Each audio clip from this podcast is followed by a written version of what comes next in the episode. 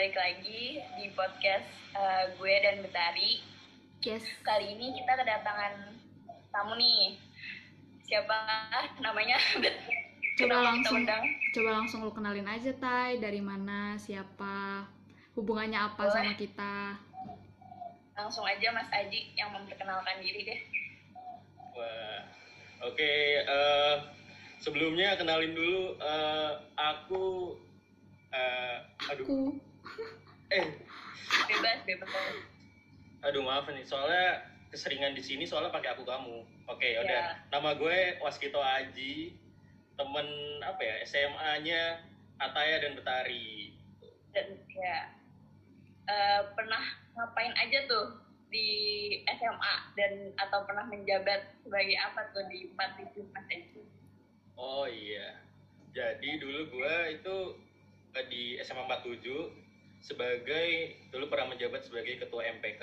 periode Nah, apa sih? Periode Periode. 2018-2019. MPK sendiri itu majelis perwakilan kelas. Ya kayak DPR ya gitulah kalau di negara gitu. berarti emang Aji ini udah nggak kita asing apa gitu. Iya. Tema Hmm. kita apa sih, Bet? Temanya tuh eh kita pernah ngomong gak sih di episode pertama tema yang akan kita bahas di sini? Belum ya? Iya. Pernah kayaknya. Oh pernah. Pokoknya kita di sini bakalan bahas tentang perbedaan-perbedaan SMA dan kuliah eh, yang udah kita rasain satu semester ini gitu. Ya, Oke. kerja dari pandangan Aji sendiri. Yes. Wah. Ini gue ditemenin sama dua anak soshum ya gue saintek sendiri. Asik. Nih, kan em, Mas Aji udah ya kira-kira eh, cukup berpengalaman lah tentang tentang SMA perpindahan SMA ke kuliah nih apalagi sebelumnya Aji juga ikut organisasi kan MPK Eh, terus masuk ke UGM tuh lewat jalur apa sih Oke, ini kalau gue sendiri masuk ke UGM di jurusan politik dan pemerintahan tuh lewat SNMPTN atau mungkin istilahnya tuh jalur undangan gitu. Kalau tadi kan ditanyain perbedaannya ya, perbedaannya jelas beda banget sih antara kuliah dan SMA. Walaupun kita masih semester 1 dan juga kondisi pandemi kayak sekarang ini gitu. Tapi waktu lu pilih pilihan SNM tuh sebenarnya ada eh, apa namanya eh, kayak orang-orang nggak orang-orang udah udah udah tahu lah ya udah nggak kaget kalau lu akhirnya milih ke politik pemerintahan. Cuman ada nggak sih kayak momen di mana lu tuh ngerasa pantas banget nih ada di politik dan pemerintahan gitu. Mungkin waktu lu kan dulu MPK pernah ya eh, ke DPR bareng teman-teman yang lain. Mungkin lu Ya, di mimbarnya gitu terus lu kayak eh gue pantas juga ya suatu saat nanti berdiri di sini gitu. Atau kan apa sih yang yang membuat lu tuh kayak politik dan pemerintahan gitu? Oke, ini ceritanya bakal agak panjang sih. Cuma eh, kalau gue boleh cerita agak ringkasnya, jadi sebenarnya gue nggak mau masuk ke politik dan pemerintahan tadinya. Gue pengennya masuk ke hukum, tapi karena eh, kan kita undangan. Nah, sedangkan undangan itu ya kemungkinannya kecil kalau misalnya ada teman kita juga yang mau masuk ke jurusan yang sama, apalagi ada teman kita yang lebih tinggi nilainya. Mm-mm. Nah posisinya itu eh, teman kita itu dia punya sertifikat debat nasional gitu kan, jadi wah Oh. berat sekali. Akhirnya nanya sana sini dan juga ya coba nyari hidayah lah gitu. Mm-mm. Akhirnya oh kayaknya gue di politik dan pemerintahan aja deh kayak gitu. Tapi ternyata setelah masuk juga ya kurang lebih sama, hanya beda ya ilmunya aja gitu. Cuman nih Tai katanya lu dapet sesuatu eh, informasi gitu. Pilihan keduanya Aji tuh apa sih Tai? Iya, gue denger-denger tuh kalau nggak salah nih pilihan kedua tuh psikologi. Nah, kan bingung ya ilmu, ilmu politik sama ilmu psikologi tuh jauh gitu. Kenapa tuh bisa pilihan keduanya tuh psikologi? Oke, jadi sebenarnya alasan gue milih psikologi itu karena gue ngerasa kalau sebenarnya ya kalau bicara masalah passion atau apa, gue lebih suka untuk mendengarkan orang apa curhat, cerita dan sebagainya. Mungkin itu bisa jadi hobi gue kali, istilahnya kayak gitu ya.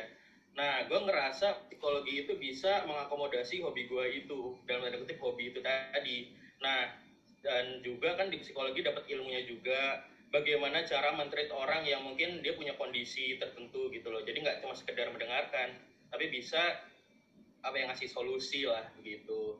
Cuma kenapa akhirnya gue menetapkan pilihan satunya di politik dan pemerintahan? Pertama memang karena uh, grade-nya psikologi di UGM lebih tinggi ya itu pertama. Tapi kedua karena gue merasa kalau gue masih punya cita-cita di luar ini yaitu tadinya hukum kan. Tapi karena gue uh, ada kayak gitu gue nyoba nyari alternatifnya di politik dan pemerintahan. Dan alhamdulillahnya gue nggak nyesel sih milih milih di politik dan pemerintahan. Gitu. iya sampai soal UTS dibuat thread Twitter ya Ji. Segitunya Yo, gak nyesel. iya bener. Bener bener bener. Jadi nggak salah jurusan ya nyesel gitu. intinya. alhamdulillah. Tapi emang orang-orang tuh bakal lebih kaget kalau lu akhirnya psikologi gitu.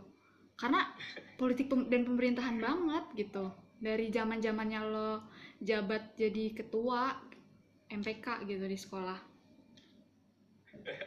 Seben eh, iya gimana sih nggak sebenarnya gue sendiri itu juga gimana ya untuk masalah politik dan pemerintahan itu gue nggak pernah terpikirkan juga sih masuk di situ. Karena jujur aja gue nggak terlalu suka politik di Indonesia gitu khususnya. Yang ya ya gimana kita tahu sendiri lah kayak gitu. Makanya gue milih hukum pun juga ya kalau hukum kan punya punya dasarnya gitu. Ketika lu ngomong lu sesuai ada ada dasarnya. Tapi ketika kalau misalnya kita lihat para politikus dan sebagainya itu kadang nggak terlalu begitu. Dan itu gue nggak terlalu suka saat itu. Terus nih Ji eh, balik lagi ke SNM bisa nggak sih ceritain dulu nilai lu tuh berapa gitu? Terus em, menurut lu orang-orang kalau adik kelas denger nih podcast kita eh, lu mau bilang apa ke mereka biar eh, ini loh yang biasanya kayak di Twitter jangan masuk ilmu politik kalau kalau apa gitu. Hmm, kalau misalnya cerita sedikit untuk rata-rata gue ya masuk ke ilmu politik, politik pemerintahan itu kalau nggak salah ya gue juga udah lupa lupa ingat 91,7 mungkin nggak nyampe 92 nah kendalanya waktu itu karena kita nggak punya alumni dari SNM paling nggak setahun setahun sebelum kita gitu loh. Nggak tahu kalau tahun-tahun sebelumnya ya. Kayak gitu. Nah kenapa akhirnya gue memberanikan diri untuk milih politik dan pemerintahan pada saat itu?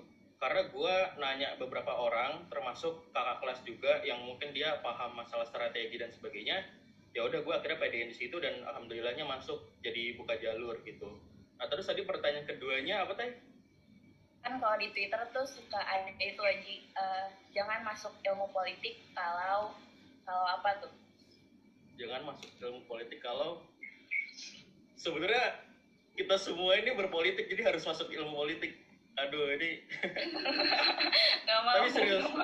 Nggak tapi serius serius. Kalau bicara masalah kayak gitu nggak nggak ada kalian siapa pun juga bisa gitu. Jadi kayak harus paling nggak mengerti gitu. Kenapa? Karena kita sekarang ini lagi berbicara kayak gini ini tuh politik. Karena beda sudut pandang aja kalau kita eh, anak sosiologi gitu. Kan memahaminya interaksi sosial. Nah politik itu mem- mempelajarinya tuh di situ tapi lebih kepada tiap orang ini kan punya punya motif ya bicara itu. Nah itu yang dipahami itu powernya di situ. Ada ada negosiasi power di situ gitu. Lu belum menjawab nih gimana adik kelas yang kayak gimana gitu ya jangan Iya, sampai masuk politik gitu. Mm-mm, udah berbelit-belit ya Tai jawabannya seka- dari sekarang. Misalkan yang nggak mau ketemu sama ini pandangan gue doang ya gue nggak tahu isinya gimana. Hmm, yang gimana misalkan nggak mau ketemu undang-undang kalau hukum kan gitu nggak mau ketemu ngapalin undang-undang gitu. Kalau ilmu politik itu apa Hmm. gitu. Orang yang nggak mau apa jangan masuk ilmu politik kalau kalau lu nggak mau sukses di masyarakat aduh gue nggak tahu bahasa yang lebih Oh. ininya ya Iya. karena tapi kan semua jurusan sama. juga gitu Ji kayak eh harus sukses lah di masyarakat gitu nggak cuma ilmu Iya. politik Iya, karena sukses dalam artian itu memahami bahwa hidup tuh nggak senaif itu gitu. Ini kayaknya asik banget ya bahasanya kayak so iya banget ya. Maksudnya, maksudnya kita sering kan ya kayak ketemu orang-orang yang ah politik begini, ah politik begitu. Ya itu karena mungkin ke keterbatasan apa pengetahuan dan sebagainya mungkin dan sebagainya cuma setelah gue mendalami ini ini kayak belajar ilmu hidup aja Gitu. Hmm. kayak jauh dari stigma itu gitu Tapi lu tetap belajar undang-undang gitu-gitu? Undang-undang, pasal-pasal. Kalau kalau nggak salah denger ya di semester 2 atau semester pokoknya semester berikutnya itu akan ngebahas masalah pengantar ilmu hukum kalau nggak salah Oh. tapi nggak tahu juga ya atau tata negara hukum tata negara mungkin gitu Terus mungkin eh, kita langsung masuk aja ke perbedaan SMA sama kuliah yang menurut lu ngena banget itu di aspek apa ya Ji? Dosen atau pergaulan atau eh, gimana di sana nalar lu di-breakdown dibentuk? satu-satu lah Eh, eh. oke Mungkin bisa di Eh, bedah satu-satu. Dari guru dari dosen, dari dosen, dari Dari tenaga dosen pengajar. oke dari dosennya ya Mm-mm. gue kan sekarang tuh masuk di Visipol UGM nah budaya di Visipol itu kalau manggil dosen tuh mas atau mbak Hah, serius? jadi iya betul. Oh, Betul. mas atau mbak Padahal lebih tua Ya, dari lu gitu? Jauh lebih iya tua? betul Ya. Betul. Oh, Bahkan ya kadang udah udah ya bapak-bapak dan Iya, iya. sebagainya itu dipanggilnya mas atau mbak. Kecuali Oh. memang ada beberapa dosen yang entah kenapa dipanggilnya pak gitu loh. mm-mm, Gue juga nggak tahu ya. mm-mm. Nah perbedaannya itu. Jadi kalau misalnya gue bisa me- me- menggarisbesarkan dua lah. Misalnya dari segi pendidikan, yaitu tadi termasuk dosen, sama dari segi pergaulannya.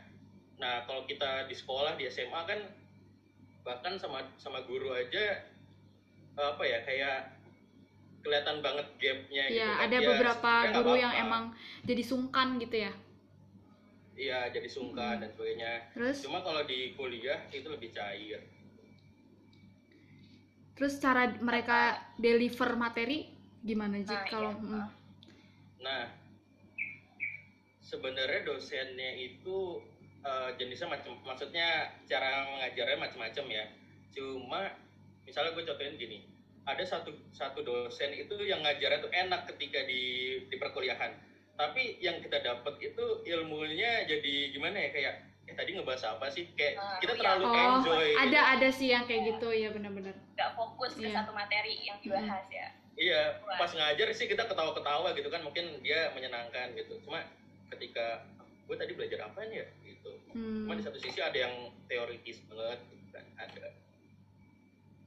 Tapi kalau sejauh ini menurut lo kalau bisa milih gitu enakan ngajar ini secara mayoritas ya enakan guru yang ngajar atau dosen yang ngajar Jujur enakan dosen. Iya. Cuma kalau gue boleh berpendapat juga, guru tuh soalnya juga punya tugas moral juga untuk mendidik tata perilaku siswa dan Iya. sebagainya. Jangan kalau dosen kan enggak jadi kayak dia lebih Iya. cair. lebih Kalau ya iya, kayak kalau dosen tuh mereka udah ada. Heeh, mereka tuh udah ada stigma ya itu kan udah urusan guru gitu berarti lo lo udah lulus berarti lo udah lulus tata perilakunya gitu di sini tugas gue cuman buat uh, new support akademik lo gitu untuk kehidupan profesi nanti itu Iya, betul, betul. terus terus eh, vibes sekolah sama kuliah nih Eh, sibukan mana sih sekolah sama kuliah Hmm, sebenarnya kalau masalah sibuk ya, apalagi kan sekarang masih semester 1, udah gitu kita daring gini. Jujur kalau bilang sibuk, sih bukan SMA. Karena mungkin di satu sisi kalau gue sendiri kan ada organisasi dan sebagainya, belum termasuk misalnya les dan sebagainya. Jujur sih bukan SMA. Nah, kalau masalah tugas, kalau zaman dulu SMA itu ya bisa dihitung lah cuma satu dua pelajaran yang tugasnya bener-bener bener-bener sebanyak Mm-mm, itu. Ini bukan susah ya, tapi sebanyak banyak itu. iya bener-bener Jadi kayak tugasnya tuh nggak susah sebenarnya iya tapi betul. banyak banget Nah, iya. Nah, kalau di kuliah itu rata-rata udah ilmunya lumayan susah, tugasnya banyak gitu. Jadi kayak benar-benar menyita waktu gitu. ya tapi eh, biasanya nih dulu kita juga sempat kalau gue sendiri gue sempat mikir sih kalau kuliah tuh pasti lebih gampang nih ngatur waktunya. Orang kelasnya cuma dua kelas iya sehari iya iya. terus gue juga sempat mikir gitu. dari pagi sampai sore gitu. Tapi nyatanya gimana tuh? Nyatanya eh, apakah lebih mudah buat main sama teman dan lain-lain atau enggak? Dibalik eh di selain yang tadi tugas banyak itu ya? Hmm. kalau menurut gue sendiri sih sebenarnya apa ya kalau zaman ini bedanya ini sih kita 12 tahun itu di sekolah dan itu terjadwal dengan baik Mm-mm. gitu iya jadi benar kayak dari jam segini kita apa dan sebagainya sedangkan pas kuliah karena kita diberikan keleluasaan untuk mengatur waktu malah kita apa Iya, ya jomplang struggle banget. untuk mengatur waktu Iya, sendiri gitu iya, jadi benar, malah benar. kita nggak bisa punya waktu untuk teman dan sebagainya itu justru Mm. di, Di kuliah ini kuliah. kalau kita nggak pinter manage-nya ya. Kayak gitu sih.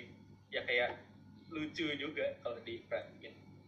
Iya bener-bener yang 12 tahun diatur semuanya jam pelajaran terus Sabtu Minggu kan ya udah diatur gitu kan. Terus tiba-tiba jomplang banget ke kuliah yang tiba-tiba harus ngatur semuanya sendiri dari mulai jadwal dan lain-lain. Terus nggak ada les. Yang gue parah banget tuh nggak ada les sih. Terus pelajaran gue masih yang kayak gitu gitu kan itu kerasa banget ya mantep banget gue gila gak pernah les soalnya jadi gue nggak tahu rasanya Ha-ha. bedanya nggak les sama les iya gue sama temen gue Bianca boleh disebutin gak sih gue sama Bianca tuh yang kayak sebut aja Oh, oh, gue sama Bianca tuh kayak Skype sampai kayak orang gila tiap hari. Bianca lagi gitu.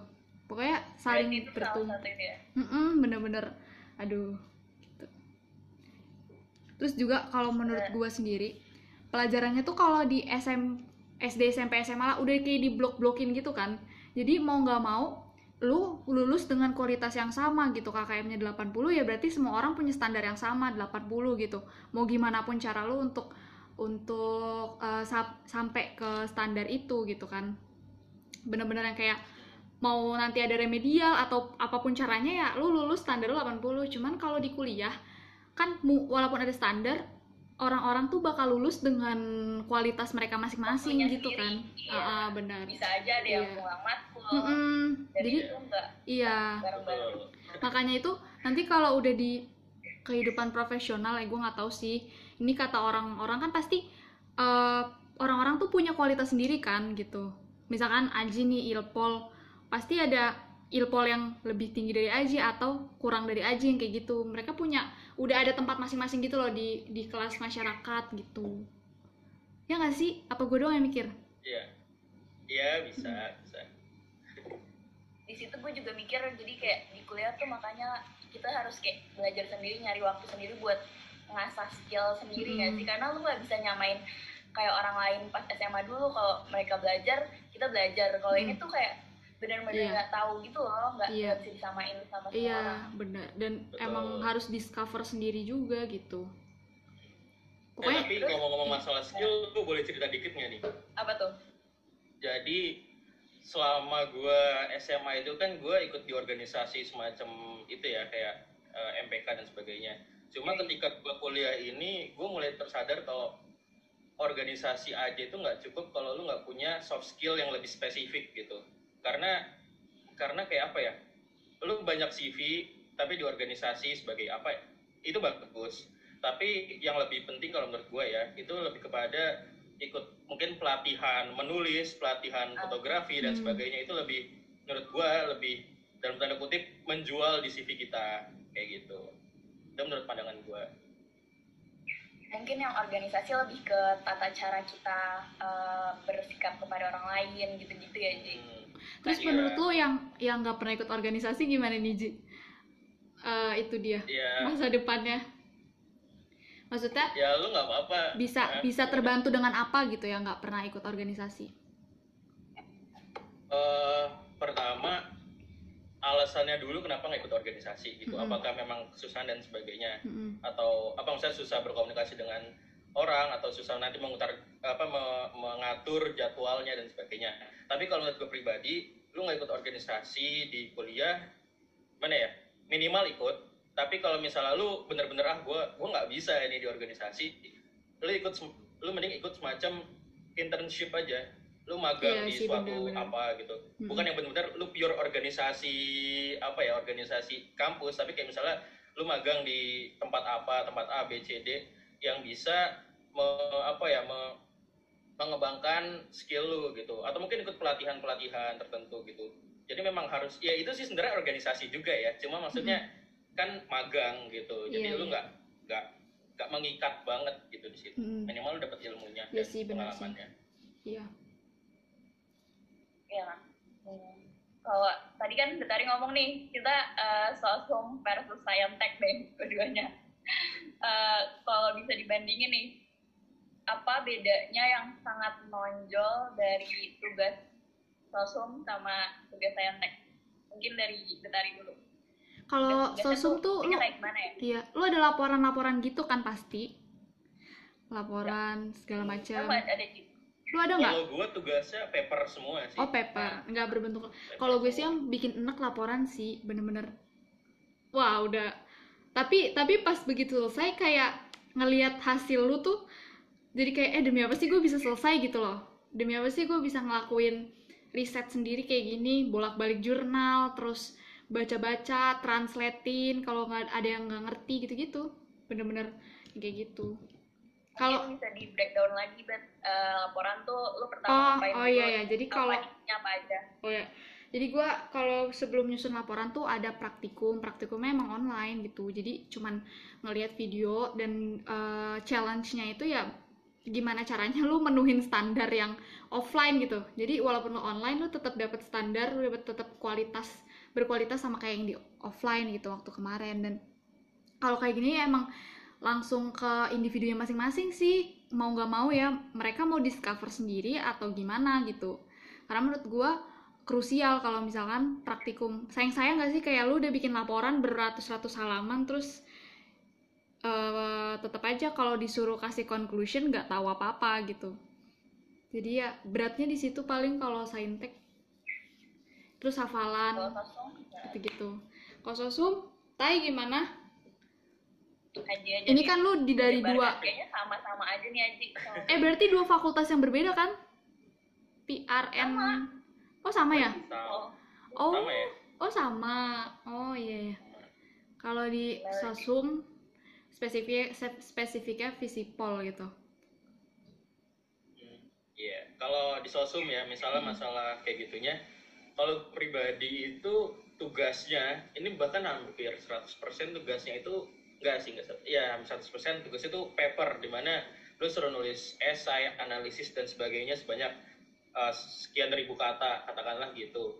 Nah, untuk untuk mencari sumbernya sama mungkin kayak lu juga dari jurnal dan sebagainya. Sebenarnya sih relatif sama kayaknya. Cuma apa ya? Uh, cuma sih sebenarnya hampir sama hampir kayak sama kalau ya? misalnya kita samanya iya. dengan era pandemi ya iya iya kan kayak lu juga oh, oh masalahnya uh, pandemi kayak, ya kayak lu juga kan sebenarnya ngelihat prakteknya lihat video Mm-mm. katakanlah gitu habis itu lu ngetik-ngetik sendiri kan maksudnya nggak Mm-mm. terus mencoba sesuatu Enggak. di rumah enggak enggak eh tapi ada Nah, ada iya, ada tuh. yang ada yang mencoba gue lupa deh ada ada ada yang mencoba praktikum sendiri di oke. rumah gitu oke oke Oh, Ya. cuma lupa. secara secara garis besar sih berarti sama kayak Iya, saintek iya. di era pandemi ini Mm-mm. cuman mungkin bedanya ya kalau saintek itu lebih ada hitungannya gitu ya kalau sosum ada nggak tetap ada Iya. nggak ya kita nggak ada Uh, sama sekali oh nggak ada sama ya sekali ilmu tertentu ada oh ada kayak gue. Eh, apaan, Ji? ekonomi pengantar ilmu Oh, demi apa sih ada juga ekonomi juga? Nah, iya karena Oh. politik dan pemerintahan kan Mm-mm. ya tujuannya sih kalau kata dosennya Iya. kenapa lu belajar PIP itu pengantar ilmu Hmm. ekonomi karena supaya lu nggak buta ketika lu baca data ekonomi gitu kan oh iya takutnya sih bisa. datanya apa kita ngomongnya apa gitu kan Mm-mm. kadang-kadang orang politikus gitu ya iya ya kalau PR apa tay gimana tay sama sih masih sama kayak Aji tapi mungkin gue dengar-dengar nih kalau UGM tuh emang lebih dipatok kayak berapa berapa kata berapa kata kalau gue enggak kalau Oh, gue iya. lebih yang kayak lagi lagi ngurusin sistematikanya gitu-gitu sih di kampus gue bukan yang oh berapa harus berapa kata enggak tapi sisanya sama kayak kalau gue kayaknya halaman deh. Hmm, kalau gue kayak halaman misalnya eh, kalau mis- tapi eh, bukan bukan dipatok gitu. Misalnya eh, satu halaman tuh ada yang tanggung nih gitu. Maksudnya lu lu beneran selesai cuman satu halaman terus cuman tiga baris gitu kan kayak nggak enak. Nah itu kayak eh, biasanya tuh koas-koas minta ditingkatin lagi gitu. Lu kembangin lagi deh kalimat-kalimat sebelumnya gitu. Lebih baik sampai full gitu. Ah, ah, maksudnya kan nggak enak juga sih. Terus gue pikir iya juga ya. Masa satu halaman terakhir nih terus lu cuman sediain tiga baris gitu doang kan nggak enak juga sebenarnya gitu gitu Oke, terus eh, udah cukup sih dari tadi eh, Oh, oh. SMA versus kuliahnya. Terus kan gue berharap banget nih adik kelas eh, dengerin kita. Mm, gue mau minta tolong sama Aji eh, apa sih saran-saran buat yang SNM nih kebetulan kan ini waktu-waktu SNM kan pendaftaran Oh iya, gitu-gitu apa sih pesan dan pesan aja sih nggak pakai kesan Eh, SNM di 47 gitu boleh Oke, diceritakan pengalamannya juga gitu SNM di 47. Oke, ini disclaimer dulu ya. Tiap tahun itu beda sistemnya. Maksudnya ya, gue nggak tahu yang sekarang ini gimana. Dan mungkin gurunya siapa aja, gue juga nggak tahu gitu kan. Nah, tapi kalau menurut gue sendiri, eh, kan biasanya kalau orang mau masuk SNM itu ini ya, kayak eh, gue passionnya ini, jadi gue pengen masuk di ini, nggak apa-apa. SNM kan bonus gitu dan sebagainya. Kalau menurut gue sendiri, sebonus-bonusnya SNM tetap harus dimanfaatkan sebaik-baiknya. Ya bonus kalau misalnya kita bonus dalam artian oh dapat syukur nggak dapat ya nggak apa-apa gitu. Maksudnya itu bonus yang kayak gitu nggak apa-apa. Tapi ketika ketika lu udah dapat nih, tapi lu masih nganggapnya itu sekedar bonus biasa, kalau menurut gua sedikit mubazir karena kita nggak pernah tahu ke depannya apa. Mm-mm, Kalau di tahun gua ternyata tiba-tiba ada pandemi dan iya sebagainya. iya benar-benar Itu kan kayak unexpected Mm, banget iya kan benar-benar kayak alhamdulillah di satu sisi masuk Iya. di SNM. Nah, oke, terus kalau masalah pemilihan ilmunya, kalau gue sebenarnya eh, saran aja ilmu yang sekiranya itu apa ya eh, bisa dikembangkan lebih lanjut gitu. Ini kata motivator di sekolah waktu itu ya. Mm-mm. Jadi lu lu coba cari katanya lu coba cari ilmu yang yang sekiranya prospek ke depannya baik bukan dalam artian pekerjaan juga tapi kepake gitu. Nah kalau masalah menentukan mau univ mana dan sebagainya, gue diceritain sama salah satu alumni kalau misalnya kan kalau sekolah ada alumninya di di salah satu jurusan sama-sama SNM peluangnya semakin besar gitu kan. Nah, tapi ketik tapi pas gue ngobrol sama alumni itu bilang gini, oke memang itu bisa eh, meningkatkan peluang lu masuk di SNM itu. Tapi ketika lu mau nyoba buka jalur di jalur di prodi lain dengan nilai lu sekarang bisa aja lu keterima. Kenapa? Karena kalau misal lu nurut ke salah satu prodi yang udah ada alumninya, itu udah terpatok gitu nilainya segini. Jadi kalau kita kurang dari nilai itu, kita udah pasti nggak masuk. iya Tapi benar-benar ketika kita nyoba jalur baru, ya kemungkinan masuknya akan lebih besar gitu. Nah terus dia juga eh, bilang ada beberapa univ yang dalam tanda kutip itu agak apa ya bahasa yang lebih lebih santainya apa ya? Ya ini tanda kutip ya ini ya. Eh, rasis rasis eh, dari Jakarta kayak univ-univ tertentu. Jadi kayak lu nggak di- lu nggak bakal masuk di univ itu. Tapi beberapa univ di walaupun di luar Jakarta itu bisa. Terus juga masalah apa ya? Oh ini sebenarnya juga nggak bisa disamaratakan ya. Gue juga sebenarnya nggak terlalu setuju dengan ini, tapi ada benernya sebenarnya. Jadi dia bilang ketika lu masuk di univ tertentu yang sekiranya grade-nya tinggi, se sejelek apa pun jurusan lu, ya lu akan ke bawah tingginya. Itu kata dia ya. Ya sebenarnya ada bener ada ada nggak benernya. Benernya ya kalau misalnya lu di pekerjaan, lu akan tertulis misalnya di univ apa gitu. Ya kemungkinan besarnya kalau misalnya di perusahaan itu ada alumni juga pasti akan ditarik dan sebagainya. Cuma kalau menurut gua itu nggak bisa jadi patokan banget. Tapi kalau misalnya butuh masukan dari itu ya nggak apa-apa. Kayak gitu sih sebenarnya perihal SNM gitu. Pokoknya SNM itu apa ya? Pokoknya jangan itu itu memang bonus. eh, itu memang bener-bener cap cip cup. Tapi jangan jangan disia-siakan karena itu gimana pun juga ya apa ya itu pemberian dari Tuhan dan juga itu mungkin hasil bisa kerja keras juga ya kerja keras Mm-mm. kita kayak gitu. dan mungkin jangan sampai ngerusak pertemanan gitu. Nah, Mm-mm. itu paling penting. pokoknya sebijak-bijaknya milih pilihan lah gimana gitu ya Iya. sebijak-bijak betul kayak sekali. gitu. Eh, dari segi pertemanan sama dari segi pilihan lo gitu kan dikasih dua Iya. kesempatan eh dua dua pilihan gitu bijak-bijaknya lah pakai gitu Iya, betul. iya tapi ini mungkin pertanyaan terakhir buat dari gue sebelum eh, selesai sebenarnya tuh lo Oke. eh, ngelihat diri lo mungkin setelah lulus tuh akan jadi seorang aji yang kayak gimana Waduh, Kalau ini lulus apa dulu nih? Kalau lebih lulus. lulus apa? lulus Kuliah. kuliah, heeh, lulus kuliah Oh, gitu. Lo akan ngeliat Aji tuh seperti apa sih gitu dengan semua akademik yang udah lo penuhin nanti gitu. jujur spesifik Itu deh per- spesifik eh, tahun yang tahun 2000 Oh, 2000 berapa ya? 24 Ya 24 25 lah. Eh 24 25 lah. ya. Oh, 2025, Ah, oke. Iya.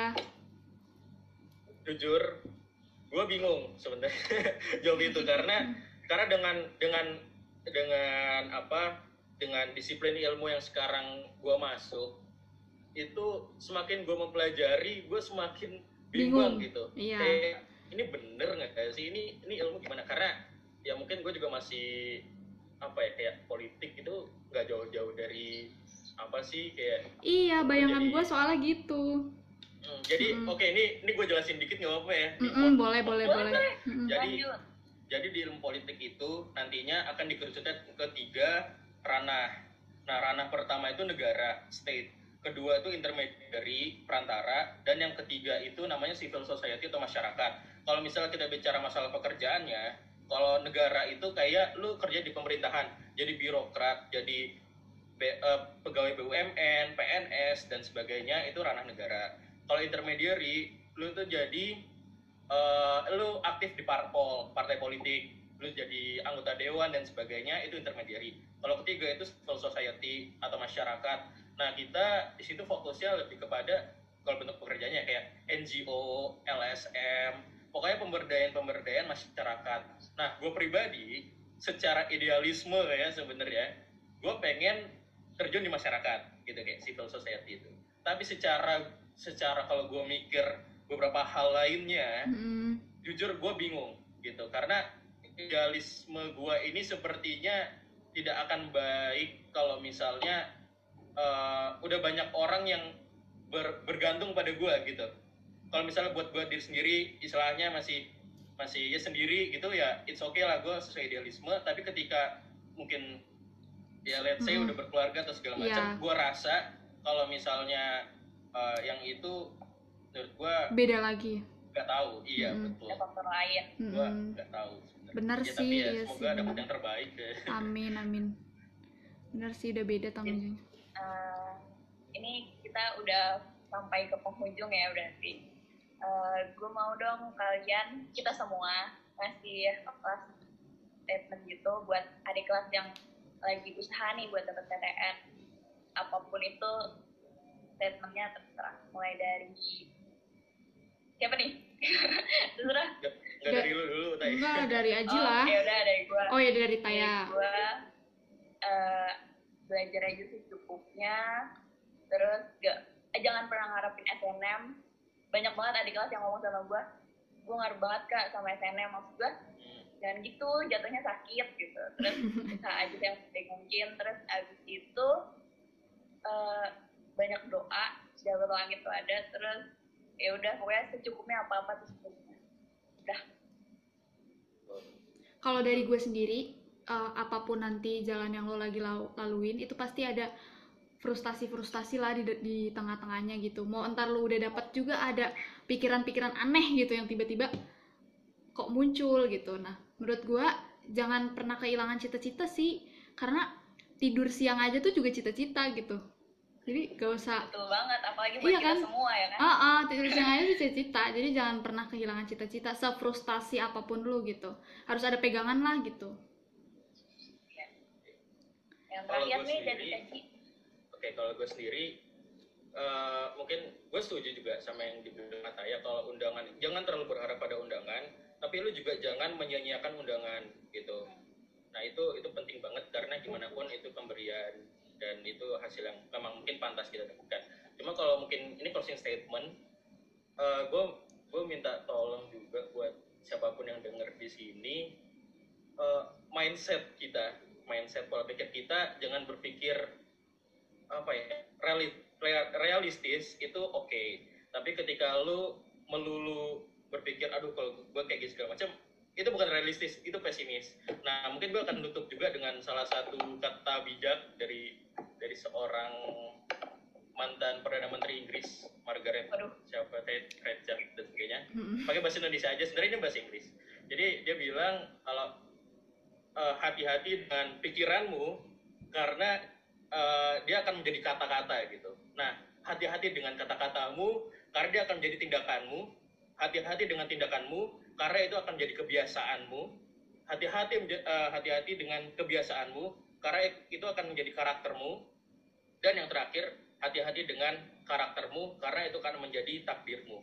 Gitu. Jadi eh, semua bermula dari mindset gitu. Hmm, jadi kita harus harus tekanin dulu kalau misalnya ya kita bisa realis- realistis is oke tapi tetap harus optimis oke Asik. gitu Terima kasih banget nih. Ya ampun. Episode Yoi, pertama dibuka dengan Aji loh. Nah, jadi kita tutup ya bat Boleh? boleh bentar ditutup Boleh. Terima kasih ya semua yang udah mendengarkan sampai akhir. Mendengarkan sampai tengah juga nggak apa-apa sih sebenarnya. Karena dari tadi tuh benar-benar mau di cut-cut berapa menit pun Aji tuh ngomongnya bagus banget lah. Pokoknya. waduh ya Ya kan? asik lah dia Gila, asik lah. juga keren banget Iya. punya ilmu belajar yang nih kita guys Aduh, makasih loh. Aku nih lagi Iya. belajar sama Ataya PR-PR-nya. Nggak ada komunikasi Oh, kayak iya di Samsung juga. soalnya. Gitu. eh, eh makasih ya udah diundang di sini diajak Makasih juga. Semoga nanti di selanjutnya kita bisa menghadirkan yang lebih-lebih. oke sampai sini dulu Yes. Dadah. Dadah. Dah.